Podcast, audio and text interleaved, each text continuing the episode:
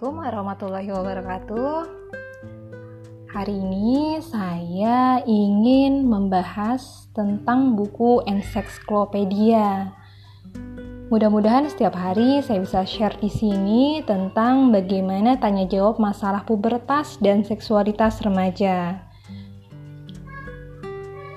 Untuk pembahasan pertama, judulnya Akhirnya Puber Juga. Kenapa sih seseorang mengalami pubertas?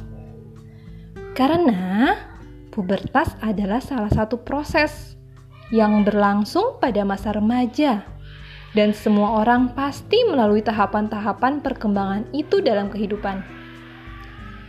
Mulai dari dalam perut ibu, masa kandungan, masa bayi, masa kanak-kanak, masa remaja, masa dewasa, dan sampai masa lanjut usia. Semua manusia telah dikaruniai Allah dengan hormon-hormon khusus dalam tubuhnya sejak lahir.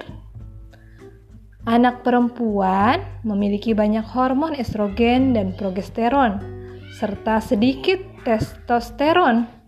Sedangkan anak laki-laki memiliki banyak hormon testosteron dan sedikit hormon estrogen. Nah, Ketika kita beranjak dari masa kanak-kanak di bawah 8 tahun ke awal masa remaja, umur 9 sampai 10 tahun ke atas, ada satu kelenjar yang namanya kelenjar pituitari. Kelenjar yang ada di otak yang tugasnya mengatur hormon-hormon tadi untuk mulai bekerja. Hal ini mengakibatkan terjadinya perubahan-perubahan yang cukup cepat pada tubuh dan jiwa kita, yang menandakan bahwa kita udah memasuki masa puber. Begitulah terjadinya pubertas.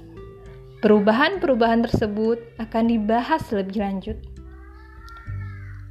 Nah, umur berapa sih seseorang biasanya mulai pubertas?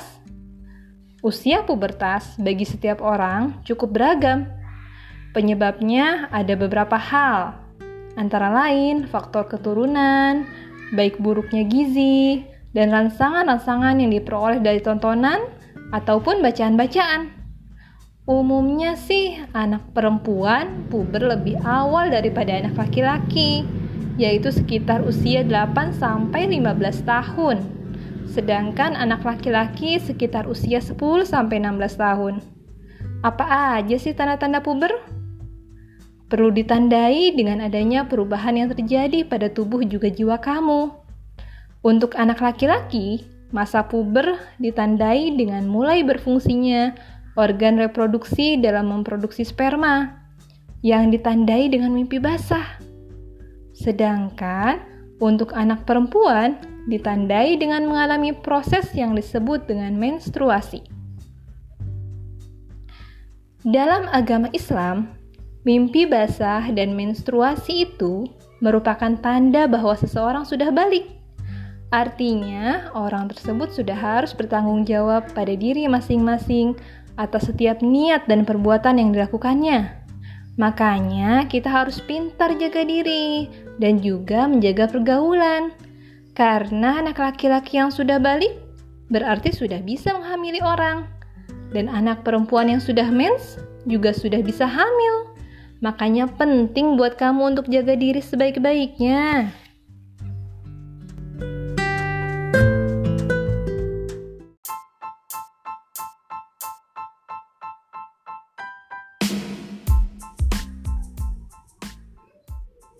Perubahan yang terjadi pada tubuh kita untuk anak laki-laki tinggi dan berat badan bertambah.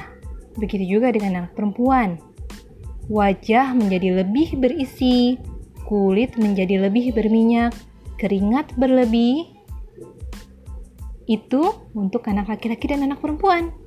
Sekarang kita lebih spesifikasi ke anak laki-laki, yaitu bahu dan dada bertambah lebar, suara bertambah berat dan besar, tumbuh jakun di tengah-tengah tenggorokan, tubuh mulai lebih berotot, mulai mampu memproduksi sperma, alat kelamin bertambah besar dan berwarna lebih gelap, sudah mampu berejakulasi, menyemprotkan sperma ketika mimpi basah, atau melakukan masturbasi tumbuh rambut di sekitar wajah, ketiak, di sekitar alat kelamin, dada, bagi sebagian orang, juga lengan dan kaki.